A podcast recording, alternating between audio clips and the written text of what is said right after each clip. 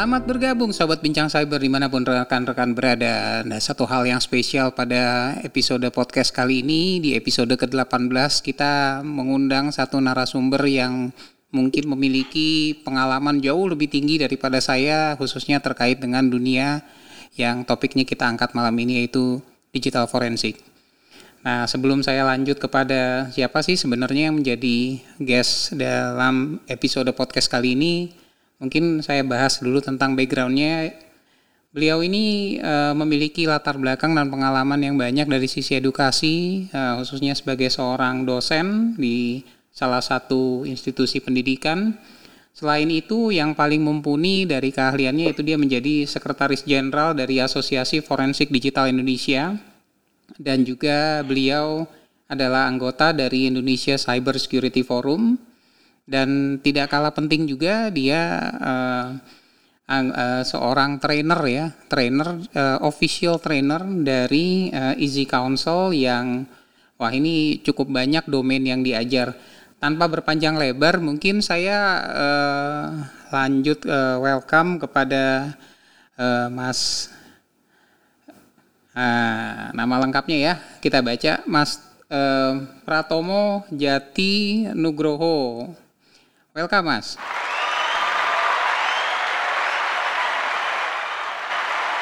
Hai Pak Faisal. Halo. Bagaimana kabarnya? Kabar baik. Terima kasih nih sudah bergabung menyempatkan diri untuk bergabung uh, sharing knowledge uh, tentang digital forensik nih. Oh ini kan pakar sekali nih uh, Mas. Saya panggil Mas Tomo ya, boleh ya? Boleh Pak, Oke, boleh. Makasih, makasih Mas Tomo nih waktunya luar biasa sekali nih di tengah-tengah kesibukannya masih mau menyempatkan diri untuk diskusi sharing uh, knowledge dengan kita. Oke Mas Tomo, Siap, kita bahas malam ini uh, Mas Tomo memiliki pengalaman luar biasa di digital forensik. Nah audiensi dari bincang cyber ini uh, ada yang penasaran sebenarnya Uh, kalau kita bisa sederhanakan uh, digital forensik, uh, kemudian nanti kita kembangkan lebih jauh, kira-kira Mas Tomo bisa memberikan arahan kita tuh apa? Silakan Mas. Oke, untuk digital forensik, pertama gini, uh, untuk definisinya dulu ya, biar nanti Siap. Uh, kita sama-sama tahu, sama-sama apa sih namanya digital forensik atau forensik digital bahasa Indonesianya. Jadi gini, uh, digital forensik adalah cabang ilmu dari forensik yang meliputi pemulihan dan investigasi dari bahan yang ditemukan dalam perangkat digital. Nah, uh, istilahnya awalnya digunakan sebagai sinonim untuk uh, forensik komputer atau komputer forensik, tetapi uh, telah diperluas untuk mencakup penyelidikan semua perangkat yang mampu menyimpan data digital. Oke. Okay. Oke, okay. nah, uh, uh, ini kita bicara berarti kondisinya post insiden ya Mas ya, atau post kejadian? Betul Pak. Oke, okay. uh, lanjut Mas. Jadi jadi begini, uh, saya bicara nanti secara skop garis besarnya dulu Pak. Uh, untuk cyber security itu kan kita akan berbicara tentang pre pre-insiden, yang kedua nanti di tengah-tengah uh, monitoring atau SOC atau cyber incident, yang ketiga adalah post incident. Uh, untuk uh, ilmu digital forensik itu lebih cenderung nanti di post incident. Kadang-kadang juga nanti kita beririsan dengan uh, SOC, uh, Security Operation Center yang cyber incident atau cyber monitoring ya. Oke, berarti uh, fokus kita hanya pos ya, pos insiden. Kira-kira uh, betul. Kalau, kalau di bagian precautionnya mungkin ada nggak sih yang terkait digital forensik yang perlu disiapkan sebelum supaya nanti make sure pada saat pos insiden itu ternyata uh-huh. uh, udah qualified gitu loh outputnya. Kira-kira gimana? Apa yang perlu disiapkan dulu mungkin di awal? Kalau di awal pertama manpowernya pak, pertama kali ya manpowernya orang-orangnya. Terus yang kedua uh, kualifikasi personal kompetensi. Mungkin salah satunya tentang certified, yang, yang salah satunya di ASI Council yang terkenal adalah CHV, atau mungkin di uh, lembaga lain yang misalnya dari internasional boleh, tapi yang ber, berbicara tentang digital forensik. Oke, uh, ini tadi kita tahu sedikit gambarannya Mas ya tentang yang kondisi berarti post insiden. Uh, kira-kira post insiden ya berarti uh, apa cara kerja secara uh, garis besar itu kira-kira gimana nih kalau dari post insiden Mas? Nah, secara untuk post insiden, cara kerjanya sebenarnya simple sih Pak. Simple secara teori sih sebenarnya. Jadi begini, saya jelaskan. Uh, untuk metodenya, kalau saya rangkum secara uh, best practice saya, uh, untuk di area sih, maksudnya untuk nanti kita langsung menangani barang bukti itu hanya ada empat. Pertama adalah identifikasi identifikasi adalah kita mengetahui uh, mana wilayah atau tempat kejadian perkara, terus uh, apa saja yang kita nanti mau ambil, misalnya barang buktinya sebuah komputer atau sebuah laptop atau sebuah handphone. Yang kedua adalah collection. Jadi uh, dari barang bukti tersebut kita uh, mengumpulkan dan mengakuisisi datanya. Nah, dalam proses akuisisi juga nanti ada uh, banyak prosedur uh, yang standarnya kita pakai adalah salah satunya dari uh, kepolisian sekitar ada 16 SOP, Pak. Nah, yang ketiga adalah analisis. Analisis ini adalah uh, sewaktu ini sudah masuk di lab ya, masuk laboratorium atau enggak masuk di uh, laptop untuk si investigatornya. Jadi adalah menganalisis uh, temuan barang digital misalnya dari laptop atau PC atau handphone yang menyangkut kasus tertentu. Sampai kita menemukan funding atau temuan yang mengarahkan bahwa ternyata case ini mengandung unsur A, B, C, D atau C, D, E, F, G. Nah, kemudian uh, metode terakhir adalah presentasi. Jadi kita uh, menemukan dari awal, jadi ibaratnya presentasi itu adalah menceritakan bagaimana awal mula kejadian di tempat kejadian perkara sampai kita menemukan funding dan close case.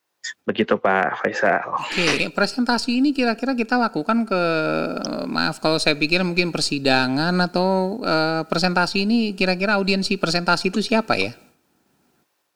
Presentasi mungkin begini. Semisal uh, case-nya adalah fraud, misal di banking, banking A atau banking B, saya akan presentasi ke internalnya. Apakah dari pihak uh, eh, IT security-nya ataukah IT fraud-nya atau gimana nya. Jikapun nanti uh, case ini berlanjut ke pengadilan, saya kan juga presentasi uh, di pengadilan tentunya sebagai saksi ahli. Oke. Okay. Begitu Pak. Jadi saksi ahli yang me, dalam artian empat tahapan ini yang sudah dilakukan dari identifikasi, collection, analisis dan presentasi itu nanti uh, istilahnya bagian atasnya ya berdasarkan sumber-sumber yang ada. Ada nggak sih dalam Betul. tahapan digital forensik ini kita menentukan skopnya dalam artian semua alat uh, bukti gitu ya mungkin kalau saya ambil bahasa mm-hmm. hukumnya alat bukti kali ya alat bukti yang yeah. mungkin kita bisa scoping uh, apa uh, tertentu gitu itu yang menentukan tim dari digital forensik atau ada pihak lain? Untuk skopnya ya Pak ya? Skopnya sebenarnya uh, barang-barang buktinya hmm. gitu misalnya. Sebenarnya untuk uh, skopnya kita mengacu juga pada cara kerjanya menggunakan ICPO adalah namanya kepanjangannya Association Chief uh, Police Officer. Uh, kita memakai bukunya namanya Good Practice Guide for Digital Evidence. Jadi kita mengacu uh, salah satunya mengacu ke sana. Jadi standar of prosedurnya itu apa yang kita bicarakan di Indonesia dengan luar negeri sama standar operationnya. Misalnya kita menemukan case namanya komputer forensik dalam keadaan mati atau off, itu standarnya harus ngapain? Di Indonesia sudah ada bukunya dan di luar negeri juga sama. Standar operasinya jadi sama. Oke, jadi ini sebenarnya sudah terstandarisasi gitu ya mekanisme ininya. Dan kira kira-kira dari Indonesia, luar negeri dengan beberapa negara itu memiliki standar yang sama atau berbeda kira-kira Mas? Sama, Pak. Sama ya, berarti sebenarnya betul. uh, istilahnya kiblatnya itu uh, sama ya Mas Tomo ya, uh, di mana pun negara ya. Nah, kemudian uh, ini kan uh, apakah segala sesuatu yang dilakukan di dalam digital forensik itu pasti harus melulu kepada pengadilan yang sifatnya pembuktian cyber gitu atau mungkin barangkali di luar legal pengadilan bisa mengandalkan digital forensik? Bisa, Pak. Bisa, kira-kira tergantung apa tuh, Mas? Ya, tergantung case-nya saya bilang awal tadi. Hmm. Jadi gini, uh, misalnya kayak saya kembali lagi ke fraud banking hmm. di saya biasanya yang saya temukan, hmm. yang uh, yang saya kerjakan sebenarnya. Hmm. Waktu itu saya untuk di banking hanya sebatas untuk oskop di kita selesaikan secara internal banking saja. Oke. Okay. Nah, sedangkan ada case beberapa yang waktu itu saya kerjakan di beberapa tahun yang ke belakang, misalnya kayak uh, misalnya money laundry, barang buktinya adalah handphone. Nah, itu bisa saja tergantung nanti case-nya apakah stuck misalnya di internal, apakah nanti harus dilanjutkan ke pengadilan. Oke. Jadi penentuannya itu pada tahapan uh, istilah, mungkin tadi bahasanya presentasi gitu kali ya Mas ya? Ya betul. Uh, jadi uh, itu didiskusikan di sisi internal dulu, apakah nanti dari internal itu akan melanjutkan ke dalam tahapan uh, legal atau bagaimana begitu demikian Mas? Betul Pak. Nah seumpamanya nanti dari pihak legal atau internal, oke nih mau maju, nah berarti nanti mungkin saja uh, chain of custody barang bukti yang saya temukan atau nanti uh, hasil digital forensik saya bisa diaudit lagi dari sisi uh, sisi kepolisian. Oke, okay. wah ini menarik. Jadi akan akan ya atau nanti kalau bahasa uh, uh, digital forensik adalah apple to apple pak. Jadi apa yang saya temukan, apa yang metode apa yang saya gunakan pasti hasilnya sama. Oke, gitu, berarti Pak. metodologi juga merupakan satu bukan metode metodenya berarti merupakan sebuah hal yang uh, signifikan penting ya dalam digital forensik ya Mas ya. Betul, Pak. Oke, ini tadi ada kata-kata barang barang bukti ya Mas ya. Kalau uh, di Indonesia ini kan ada uh, apa ya undang-undang ITE itu Mas ya. Kira-kira kalau barang Betul, bukti uh, kita definisikan menurut undang-undang ITE itu kira-kira apa Mas bahasa yang uh, validnya lah gitu ya mungkin untuk kita awam. Oke, barang bukti di sini uh, kita ngomong barang bukti nanti untuk digital forensik nanti ada dua Pak Pertama ada elektronik, yang kedua adalah digital evidence. Nah, untuk uh, elektronik, misal seperti handphone, terus seperti hard disk, atau yang lain yang menyimpan data digital. Nah, sedangkan untuk elektronik evidence adalah isi di dalam, eh, sorry, uh, untuk digital evidence adalah isi di dalam elektronik evidence sewaktu eh, semisal begini, saya menemukan uh, di tempat kejadian perkara hard disk 500 giga. Nah, secara prosedur saya akan uh, cloning atau nggak namanya data akuisisi itu saya copy byte per byte streamnya sebanyak atau sebesar 500 giga. Nah, sewaktu nanti proses analisis dari 500 giga itu saya akan temukan apa? Begitu, Pak. Oke, jadi uh, sebenarnya tahapannya uh, sama ya Mas ya. Tadi ada empat tahapan. Balik lagi tadi ke empat tahapan. Sama bang. Ya. Oke. Ya, sama. Nah tadi ada barang elektronik, kemudian ada data digital. Nah kalau kita membedakan yeah. secara awam definisi barang elektronik itu uh, kita kadang-kadang menyamakan ya dengan dengan digital tuh bedanya yeah. apa kira-kira Mas? Nah untuk elektronik itu seperti tempat penyimpanannya aja Pak. Oh, jadi wadah storage-nya ya. lah kasarnya gitu ya. Storage-nya ya, betul. Uh, okay. Apakah nanti hard disk, misalnya nanti ada perkembangannya flash disk atau uh, flash disk yang lain berbentuk yang lain atau enggak MMC. Nah, itu. Oke, hmm, oke, okay, okay, menarik. Nah. Jadi wadah tempat di mana data digital tadi tersimpan gitu ya. Apakah kedua komponen Betul, tadi dari barang elektronik dengan data digital kedua-duanya itu harus ada atau bisa salah satu ada? Jadi misalnya case-nya eh, barangkali ya kasusnya datanya ada tapi storage-nya nggak ada. Misalnya dia pakai di cloud lah dan lain sebagainya. Kayak gitu bagaimana, Mas? Untuk penangannya bisa sih Pak, untuk basicnya bisa. Tetapi untuk metodenya, hmm. untuk yang misalnya kayak seperti untuk garis besarnya sih menggunakan empat metode yang saya sebutkan tadi. Cuma okay. tadi nanti untuk teknikal pen, uh, misalnya data uh, elektroniknya saya dapat, tetapi secara penempatannya ini ada di cloud. Nah, ini penanganan untuk data akuisisi di cloudnya ini sedikit berbeda gitu.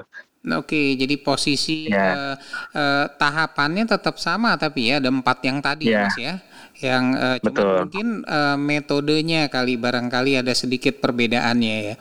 Nah, ya. saya dengar-dengar tadi Mas Tomo menyebut kata-kata yang cukup uh, saya ingat itu chain of custody itu kira-kira uh, apa dan manfaat apa tuh Mas yang uh, dari definisi itu tadi Mas? Untuk digital forensik sendiri ya Pak ya. Betul. Jadi gini, uh, chain of custody itu adalah sebenarnya adalah perjalanan barang bukti. Jadi begini, uh, sewaktu nanti di TKP tempat kejadian perkara, otomatis saya punya prosedur harus menggunakan masker, harus menggunakan uh, sarung tangan. Fungsinya apa? Karena untuk sarung tangan kita tidak boleh meninggalkan jejak apalagi kita seorang penyidik begitu ya pak ya. Okay. Nah sewaktu, sewaktu nanti kita ketemu, semisalnya, oh kita, saya menemukan handphone, saya menemukan hard disk. Nah di dalam waktu di kejadian perkara, tempat perkara, itu saya akan foto dan saya akan ceritakan di dalam laporan chain of custody. Misalnya, uh, case-nya nomor satu, barang buktinya nomor satu adalah hard disk, yang kedua adalah handphone. Di case yang sama ya Pak ya, di case 001. Nah, sewaktu nanti saya sudah mengambilkan barang bukti, itu juga saya akan membuat report namanya chain of custody. Jadi saya menceritakan jam berapa saya ngambil, jam berapa saya harus data akuisisi, nah jam berapa lagi uh, proses metode misalnya uh, analisisnya ini jam berapa sampai ketemu funding dan sampai ketemu hasil yang saya mau presentasikan. Sampai close case pak. Begitu. Untuk chain of tadi. Alur mata rantai ya berarti ya merupakan jadi Betul. dari awal sampai terakhir ya Nah tadi Mas Tomo mention bahwa pakai sarung tangan segala macam ya, maksudnya kita hmm. tidak boleh menindik, uh, meninggalkan sidik jari begitu ya. Tapi kaitan betul, kaitan Betul. kalau digi, namanya kata-kata digital forensik berarti kan digital ya, digital hmm. masih yeah. mempermasalahkan juga ternyata Mas ya terhadap sidik jari dan lain sebagainya. Ya? yang artinya bukti betul, biologis lah gitu ya. Wah luar biasa. Iya betul. Oke, berarti itu sebenarnya additional uh, standar level yang uh, biasanya kan kalau uh, detektif kalau saya lihat-lihat di video film-film tuh ada detektif pakai sarung tangan gitu segala macam ya.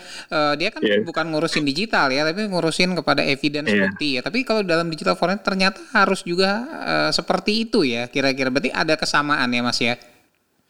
Sama Pak, betul. Jadi jadi kita intinya tidak meninggalkan jejak, apalagi kan sedikit agak lucu pak. So kita sebagai investigator tahu-tahu ada sidik jari kita nempel di hard disk, oh. di casing hard disk misalnya, atau enggak di di mana di handphone, layar handphone. Itu juga nanti temuan nanti pas persidangan. Kok ada sidik jari kamu, ada kayak gini. Jadi, jadi agak sedikit bukan bahasnya tentang isi case di dalam electronic evidence atau digital evidence, malah bahasnya tentang kita pak gitu. Jadi malahan istilahnya mencemarkan kali ya begitu ya barang bukti. Ya, betul pak. Itu bisa mempengaruhi mas kekuatan di dalam persidangan. Jika misalnya amit-amit ya. mempengaruhi ya. pak. Oh bisa ya. Oke bisa pak. Bisa aja ada tuntutan balik gitu objection dalam artian nih kok uh, datanya ada ada sidik jari si penyidik gitu ya. Wah ini. Ya betul satu satu hal menarik. Tadi Mas Tomo mention multiple times tentang metode-metode. Sebenarnya metodenya tadi udah di-mention bahwa di Indonesia dengan di luar negeri hmm. itu sebenarnya sama gitu. Tadi ada juga empat tahapan analisis. Kira-kira kalau specifically metode yang mungkin secara umum aja ya Mas ya mungkin kalau kita detailin hmm. Uh, saya nggak tahu seberapa banyak ya, tapi kira-kira yeah. uh, kita bisa dapat gambaran nggak sih tentang apa sih maksudnya metode itu? Metode begini Pak, metode adalah langkah kerja jadi sewaktu nanti kita di uh, eh, TKP kita harus ngapain, sewaktu nanti kita ngambil uh, electronic evidence-nya itu harus ngapain, pas waktu masuk di lab proses analisa uh, analisa kita harus ngapain gitu. Sampai kita sama ketemu fundingnya, presentasi kita juga harus ngapain gitu, Mbak. Oke, uh, sementara hmm. kalau mungkin buat beberapa orang mendengar itu seolah-olah seperti uh, kesannya standar operation prosedur ya, Mas. Kira-kira uh, kaitannya apa tuh, Mas, sama metode dengan uh, ada istilahnya SOP itu tadi, Mas? Kalau secara harafiahnya sih sama, Pak. Cuma nanti kalau secara SOP-nya itu nanti lebih ke arah uh, teknikal. Kita pengambilan barang bukti, semisal begini Uh, kondisinya di TKP saya menemukan sebuah satu sebuah laptop, satu lagi sebuah PC. Okay. Untuk PC kondisinya adalah menyala, sedangkan laptop adalah mati. Nah, di dua kondisi ini digital forensik itu mempunyai SOP yang berbeda. Metodenya sama? Kalau atau metodenya gimana? sama, tetapi uh -huh. standar operationnya yang beda. Oke. Okay. Uh, kalau Jadi misalnya kalau misalnya, mm, kalau untuk yang mati standarnya harus ngapain? Misalnya begini Pak, uh, untuk laptop yang mati kita hanya uh, jangan pernah menyalakan laptop itu kembali. Karena apa? Akan merubah metadata di uh, hard disk atau storage atau mempengaruhi uh, perubahan data di elektronik evidennya. Jadi kita tidak menyalakan, kita hanya foto semua secara fisiknya, kita catat uh, serial number dan uh, product number dan yang lainnya atau tipe modelnya apa, harddisknya dan lakukan prosedur data akuisisi. Nah, itu yang dalam kondisi mati. Sedangkan PC yang saya temukan tadi adalah kondisi nyala, itu dalam standar prosedurnya tidak boleh dimatikan. Karena apa? Mungkin saja di situ ada hal-hal penting, semisal kondisinya nyala dan masih terhubung dengan internet.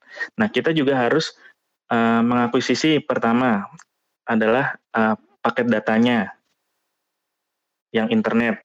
Kedua adalah uh, data akuisisi harddisknya. Yang ketiga adalah akuisisi memorinya. Oke, berarti tiga, mirip uh, mirip kalau ada beberapa orang menyebutkan data on process, data in transit gitu masih ada data at rest ya. Berarti tiga entitas itu, tiga kelompok itu juga di dikumpulkan. Challenging sekali ya kalau misalnya Betul. ternyata unitnya tuh masih nyala, terus kemudian kita mesti tantangan banget ya, mesti mesti Betul, Pak. membiarkan itu sampai kapan itu unit itu harus dibiarkan menyala? Kalau misalnya Dalam kondisi, kondisi tadi.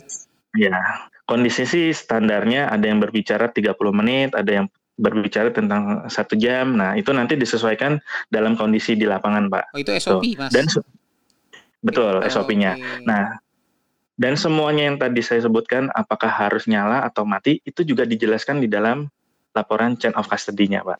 Hmm, oke, luar biasa nih. Berarti sebenarnya pekerjaan seorang digital forensik itu luar biasa challenging ya eh, ke depannya.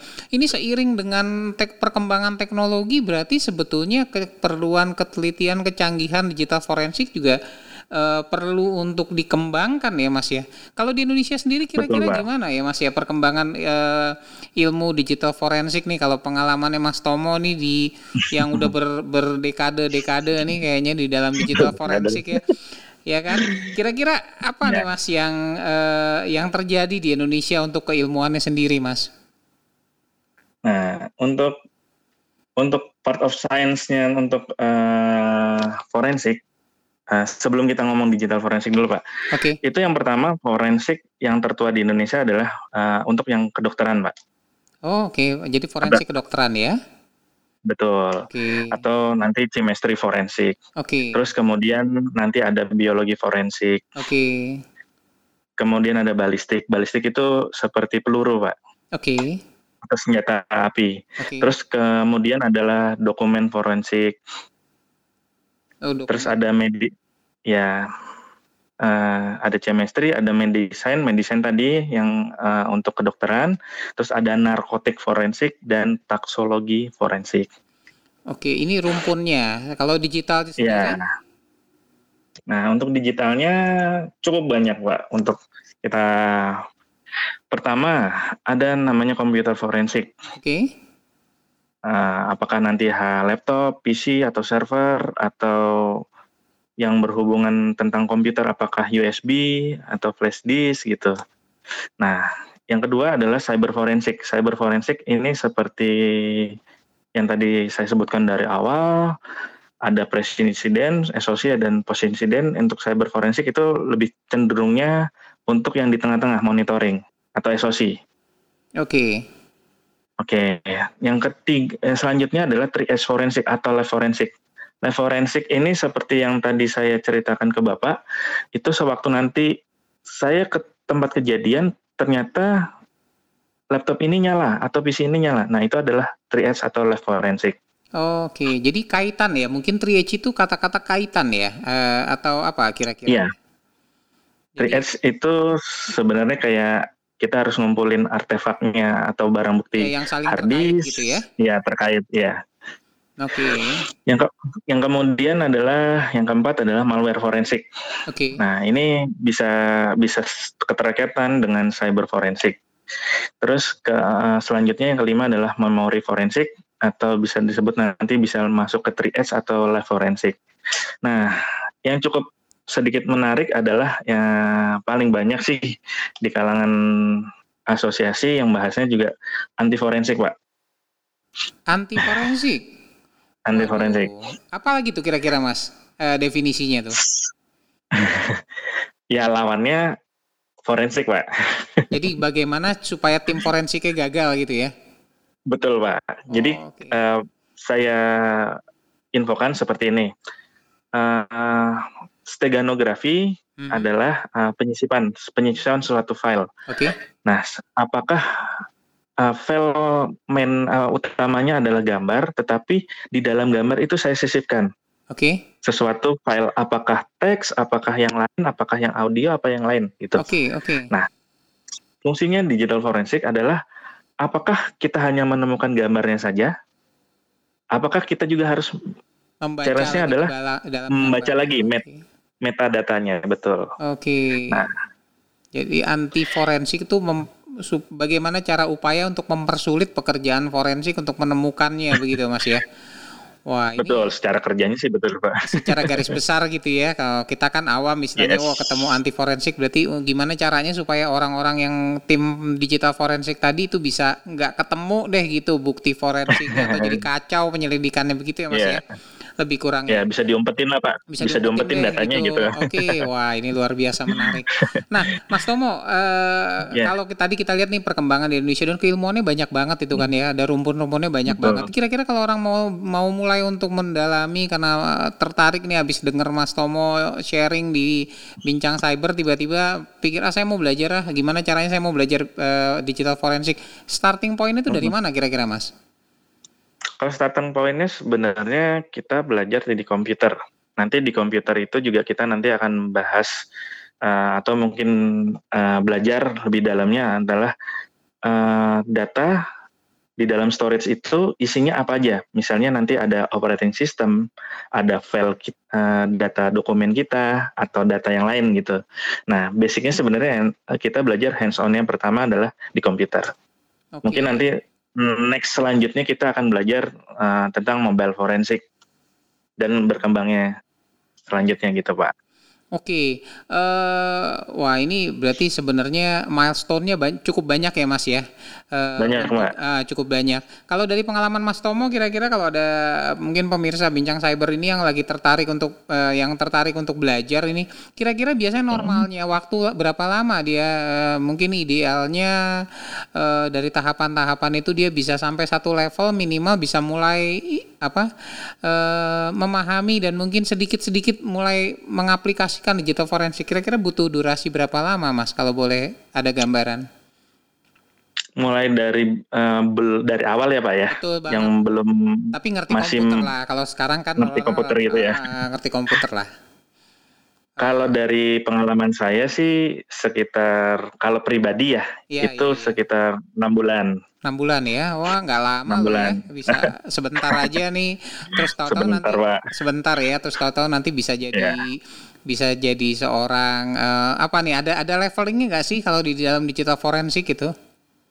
Ada pak. Ada ya. Namanya nanti sih rencananya ada namanya SKKNI atau KKNI itu Oke. nanti ada apakah nanti masuk level 6, level 7, level Oke. 8, level 9 atau nanti kita eh, nanti pas mungkin eh, teman-teman ada yang mau berbincang tentang apa sih apa levelin levelingnya untuk eh, KKNI atau SKKNI-nya digital forensik itu Oh, boleh siap, boleh Discuss. nanti. Eh, mungkin nanti ada kesempatan lain ya, Mas ya kita gali ya. boleh siap Diskusinya siap menarik sekali dan wah ini bakalan seru ini kalau kita gali. Tapi mungkin eh, kalau sa- terakhir nih dari dari eh, bincang cyber kita mungkin boleh nggak Mas Tomo bikin satu closing statement terkait dengan digital forensik eh, entah itu berupa himbauan atau mungkin hal-hal yang mungkin perlu diperhatikan oleh eh, calon pemerhati dari digital forensik atau mengacu pada pemer- eh, perkembangan di Indonesia Mas.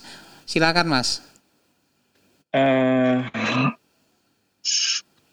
untuk ininya sih saya agak sedikit ini aja ya eh, sedikit kiasan. Boleh. Sebenarnya kalau untuk digital forensik itu the man behind the gun oh, the man behind the gun orang di belakang Ya. pistolnya ini maksudnya apa nih the man Senjata. behind the gun Jadi intinya untuk di forensik eh, untuk level saya saya tidak bilang saya jago, saya tidak level itu saya dewa, tapi saya maunya kita belajar sama-sama. Jadi sewaktu nanti kita ada case yang berbeda, kita bisa discuss. Oke, wah luar biasa. Sangat humble untuk orang yang udah punya pengalaman berdekade. Ini saya mendengar luar biasa sekali. Ya, berarti pada intinya sebenarnya kita eh, saling mengisi celah kekurangan ya Mas ya, karena keilmuan itu kan luas Betul, Pak. Jadi kalau kita Betul. lihat ini potongan puzzle yang kalau nanti puzzle-nya itu disusunnya bagus, mungkin nanti jadi satu lukisan yang indah ya. Tapi kalau Nah, nanti betul, Pak. eh, kalau bolong-bolong kan gitu, waduh, bolong-bolong nih lukisannya nggak kelihatan bentuknya ya Mas ya. Iya. Eh, Betul. benar. Wah, ini menarik sekali Mas Tomo. Eh, Oke, mungkin eh, dari eh, diskusi kita hari ini eh, saya catat beberapa poin ini yang cukup menarik. Yaitu pertama ada beberapa, ada empat tahapan tadi yang masih disebutkan ada identifikasi, Betul. collection, analisis dan presentasi. Kemudian dari presentasi ini pertama kali dilakukan di internal dulu ya Mas ya. Artinya Iya, mungkin orang yang eh, yang terlibat di TKP lah mungkin ya terkait atau mem- memiliki Betul.